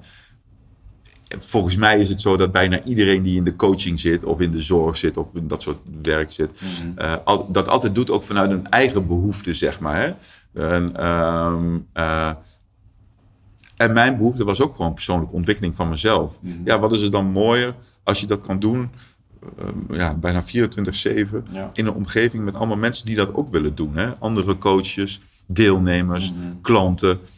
Ehm, dus die twee dingen die zijn naadloos aan elkaar verbonden. Mijn eigen Ja. proces en de ontwikkeling van mijn bedrijf en de diensten en, en, en de resultaten die we daarmee hebben, Ja. zijn allemaal aan elkaar verbonden. Het is, het is allemaal één. Ja. Eh, ik zeg ook altijd tegen mensen, er is eigenlijk nagenoeg geen verschil tussen Arie van Inge privé en Arie van Inge in mijn werk. Ja, ja. Ik denk dat die scheidslijn echt flinterdun is en voor de meeste mensen zelfs niet eens te, eh, te ontwaren. Ja.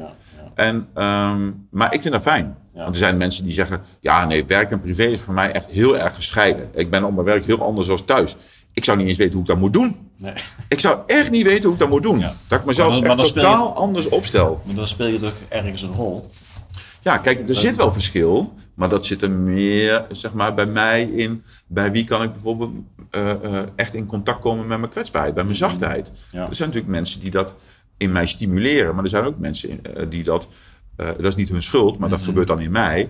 eh, ja, waarbij dat voor mij moeilijker is. Hè? Kijk, als iemand heel bedreigend voor mij is, eh, eh, eh, bijvoorbeeld door verbaal agressief te doen of zo, kan ik veel moeilijker bij mijn eigen kwetsbaarheid. Want dan, ja, dan heb ik de neiging om dat, om dat scherm eigenlijk weer te gebruiken, wat ik natuurlijk heel goed ken. Ja. En dan kan ik me heel goed wapenen. Maar, ik, maar ik, ik heb dan te leren dat ik dat ook er mag laten zijn. Maar dat, dus, dus in die zin zit er nog wel een verschil. Kijk, bij mijn vriendin ben ik denk ik wel zachter als dat ik in mijn werk ben. Ja. Maar ik ben wel dezelfde persoon. Ik bedoel, ik, ik speel niet een rol. Ik Ja. speel niet een rol in mijn werk en ik speel niet een rol thuis. Ik zou het niet willen. Ja. Even eh, een stelling. Eh, de beste leiders zijn de personen die altijd zichzelf kunnen zijn, in welke situatie dan ook. Ja, eh, ehm, eh, de beste leiders zijn altijd. Zijn de personen die in iedere situatie zichzelf kunnen zijn. Dus of ze nu privé zijn, zakelijk, eh, stressvolle situaties, ontspannen situaties. Ze kunnen altijd authentiek zijn en vanuit hun eigen eh, acteren. Ja, ik denk dat de beste leiders vooral mensen zijn die zichzelf kunnen leiden. Dus, maar, Ja. ja. ik weet niet of dat helemaal hetzelfde is als wat jij nu als stelling neerlegt. Ehm, soms vergt leiderschap natuurlijk ook. Eh, hoe zeg ik dat? Kijk, zelfleiderschap. ik- Weet je wat een mooi voorbeeld is? Dat kom ik in mijn werk tegen. Dat zal misschien voor heel veel mensen niet lijken op iets van leiderschap hoor. Maar ik wil het toch even proberen neer te zetten. Ehm, in de coaching, wij, wij, wij, wij maken heel veel intense processen met mensen mee. Het gaat echt heel diep. Eh, het is heel heftig. Eh, energetisch soms ook heel zwaar. En eh, wij zijn als coaches daar niet van gevrijwaard. Dus wij worden daar ook echt op aangeraakt. Het is echt soms heel emotioneel. We worden gewoon echt van onze sokkel geblazen door wat je meemaakt in je werk. Dat is, dat is echt heel inge- ingewikkeld. En waarom wordt het ingewikkeld? Omdat je er zelf ook op wordt aangetikt. En eh, een van de, eh, de, de, de, de sentimenten die we als mens hebben, een van de gevoelens die we als mens hebben, is medelijden. Maar wat is medelijden? Eh, stel, jij hebt het heel zwaar, eh, er is iets eh, wat heel impact voor jou is geweest, en eh, jij lijdt. En ik ben dan bijvoorbeeld jouw coach, maar ik kan het dan voelen, hè, zeg maar. Dus dat ik dan medelijden kan voelen met jou. Maar dat is, dat is een, mens-eigen iets, dat wij medelijden hebben. Eh, maar medelijden is totaal niet. eh, eh, eh, ehm, eh, eh, draagt totaal niet bij aan het proces. Waarom niet? Als ik namelijk iets zou doen vanuit medelijden, dus dat is dan vanuit mijn gevoel, dicht bij mezelf, dan eh, ben ik eigenlijk niet bezig om jou uit je lijden te verlossen, maar ik ben bezig om mezelf uit mijn lijden te verlossen. Want het is mijn medelijden Ja. waar ik vanaf wil. Ik ga dingen doen om te zorgen dat ik er geen last meer van heb. Dat is- heeft helemaal niks te maken met jouw behoeften. Dus ik zeg altijd, medelijden is de minst bruikbare emotie die we als mens hebben. Ja. Zeker in processen van coaching. Dus soms is het voor mensen echt super zwaar. En ik ben net terug van een trip in Vietnam waar we gewoon echt heel veel mee hebben gemaakt met mensen. Dat het zo schrijnend is dat ik met de tranen in mijn ogen zit over wat die mensen meemaken. Het raakt me echt nu nog steeds over wat die mensen allemaal hebben meegemaakt. En als ik dan vanuit medelijden zou komen, ben ik als coach geen knip voor de neus waard. Wat hebben die mensen op dat moment nodig? Iemand die daarvan af kan stappen. En dat ik mijn eigen pijn maar gewoon er laat zijn. Want ja, dat is dan mijn pijn. Ik moet die ander helpen. En dat is ook leiderschap. Dat is zelfleiderschap. Ik heb leiderschap over het proces. Ik, in die zin dus eigenlijk ook even op dat moment over de coachie. Al vind ik, wij zijn altijd heel erg op, op zoek naar het betrekkingsniveau waarbij het echt ook gaat over gelijkwaardigheid. Dus ik wil niet te veel over leider en volger hebben in een coachingsproces. Nee. Maar toch, eh, iemand moet daar de leiding in nemen, zeg maar even. Want wie gaat dit nou En daarvoor worden we ingehuurd. Ja. Maar ik moet leiderschap over mezelf tonen. En, en, en, en dat vind ik wel een voorbeeld van. Een, goede leider toont in eerste instantie altijd leiderschap over zichzelf. Daar begint het. Ja. Je kan een ander niet leiden als je jezelf niet kan leiden. Dat gaat niet. Daar geloof ik echt niet in. Nee. En, eh, ik bedoel, en ik heb heel veel leiders gezien. eh, eh, die vooral bezig waren om de ander te leiden. en heel weinig vraagtekens bij zichzelf stelden. Ja. Ja, dan mijn, mijn blik daarop is wel dat die mensen nooit duurzaam succesvol zijn. Dat kan dan hooguit op macht of op angst of op ja, dat soort eh, thema's gebaseerd zijn. Maar zodra je je omdraait of zodra je uit beeld bent, dan, ja, weet je, dan, eh, dan vervliegt dat, zeg maar. Leiderschap is voor mij ook niet een, een, een, een, een, een plek of een, of een rol of een functie. Het is een proces. Je doet dat met z'n allen. Je doet dat samen. Ja, en, daar, en, en in, in die dynamiek van samen ja, heb je meer nodig als alleen maar eh, eh, op de macht gaan zitten. Ja. Dus, je, dus je zult het bij jezelf moeten zoeken. Ik ben ook heel lang gewoon echt geen goede leider geweest. Dat durf ik ook wel gewoon te zeggen. Omdat je jezelf nog niet kon leiden. Nee, omdat ik mezelf nog niet kon leiden. Dus, eh, en, en de vraag is of ik het nu, of ik het nu wel ben. Want ik leid wel een bedrijf, maar ik durf nou niet te zeggen dat ik heel goed ben in het leiden van mijn team. Dat durf ik echt niet te zeggen. Ehm, waarom? Omdat het ook, ook niet mijn liefhebberij is. Ik weet heel veel over leiderschap. Ik weet ook heel veel over zelfleiderschap. Dus ik kan prima organisaties daarbij helpen. Maar ik moet ook gewoon eerlijk naar mezelf zijn. Is dat nou mijn, eh, mijn eigen liefhebberij? Is dat mijn eigen kunst als het gaat over dit bedrijf? Mijn rol in dit bedrijf gaat over iets anders. Ik ontwikkel programma's. Ik ben, ik ben een architect. Ik ben creatief. Hè? Dus daar zit mijn vermogen. En ik ben inspirerend voor heel veel mensen. Dus ik kan heel veel mensen meenemen in een, in een boodschap. Maar leiderschap vraagt soms ook gewoon eh, heel plat, eh, eh, gewoon heel erg operationeel erin gaan staan. Ja, daar ben ik niet zo van. Nee. Nee, ja, weet je, dat, vind ik zelfs vermoeiend. Hè, Dan, dan, dan laat ik dat liever aan een ander. En we hebben mensen binnen dit bedrijf die dat heel goed kunnen, die dat ook fijn vinden om te doen. En, en dan vind ik in ieder geval dat ik mezelf een goede leider mag noemen in, door te zeggen van, hé, hey, oké, als jij daar goed in bent en jij wil dat graag, doe jij dat dan? Ja. Dus eigenlijk heb je binnen je bedrijf verschillende leiders die op verschillende momenten Ja. het beste tot hun recht komen. Ja, dat proberen we in ieder geval altijd zo neer te zetten. Ik Ja. geloof daar veel meer in Ja. dan dan in een soort van totalitair leiderschap. Eh, Ja. Het zou in ieder geval niet bij mij moeten liggen, in ieder geval. dat is een ding wat Een andere zeker. achtergrond gehad. Ja, nou ja, dat weet ik niet. Het was wel een mooie plek voor een of andere dictator of zo. Om daar eens even heel, eh heel eh, belerend te gaan Hey, mooi verhaal, Arie. Ik weet niet hoe lang we aan het kletsen zijn. Ik ook niet. Twee uur al. Ja? Nee, weet ik niet. Nee, ehm, nee ja, wat, je, wat je net over leiders, ik denk wel dat dat echt, ook echt wel de kern is van, van, van leiderschap. Want Als je leiding kunt geven aan jezelf, en in ieder geval in mijn eigen ervaring, dat proces stopt nooit. Je komt altijd wel weer op momenten jezelf tegen waarin je denkt van fuck, ik, ik, heb gebrek aan zelfleiding op dit moment en daar leer je dan weer van. En Ja. stapelt zich dat op in, noemen ze dat, levenswijsheid. En hoe ouder je dan wordt, hoe beter je jezelf zou moeten kunnen gaan leiden. Ja. Dus dat zou de toekomst moeten uitwijzen. Ja, ben ik helemaal mee eens. Ik vind het ook een mooie eh, eh, wijsheid. Hè? Ik, ik, eh, ik hou meer van, eh, van eh, wijsheid dan van kennis. Ja. Van slimheid. Slimheid en kennis eh, vind ik veel minder interessant dan wijsheid. Ja. Ehm, ik denk dat wijsheid je veel meer brengt. Kennis kun je gewoon uit een boekje halen. En slimheid is vaak ook nog oppassen. Want eh, eh, kun je ook tegen jezelf of tegen een ander gebruiken. Dus slimheid is nou niet echt iets eh, waar ik altijd heel erg vrolijk van word. Maar wijsheid is eh, eh, eh, zeg maar goed kunnen aanvoelen. Sensitief zijn in situaties. Ja. En het juiste inbrengen op het juiste moment.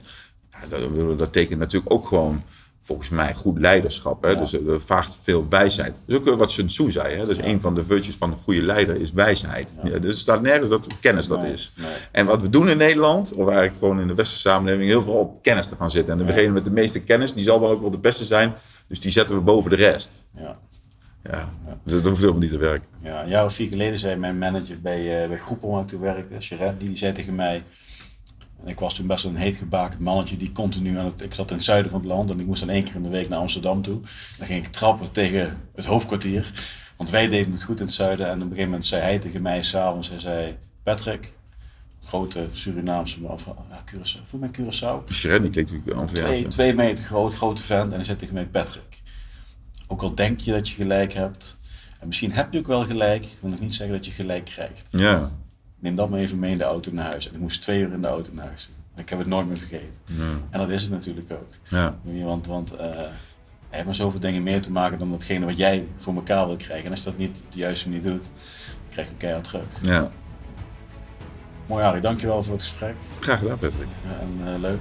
Misschien ja. spreken we elkaar later nog eens, als we nog wijzer zijn. Ja, laten we hopen dat we altijd nog wat wijsheid erbij mogen nemen. Het is oneindig toch? Ik hoop het wel. Ja.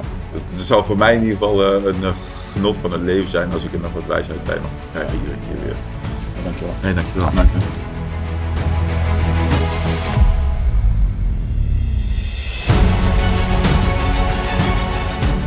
Ja, ja, ja. Arie van Engen, wat een mooi verhaal.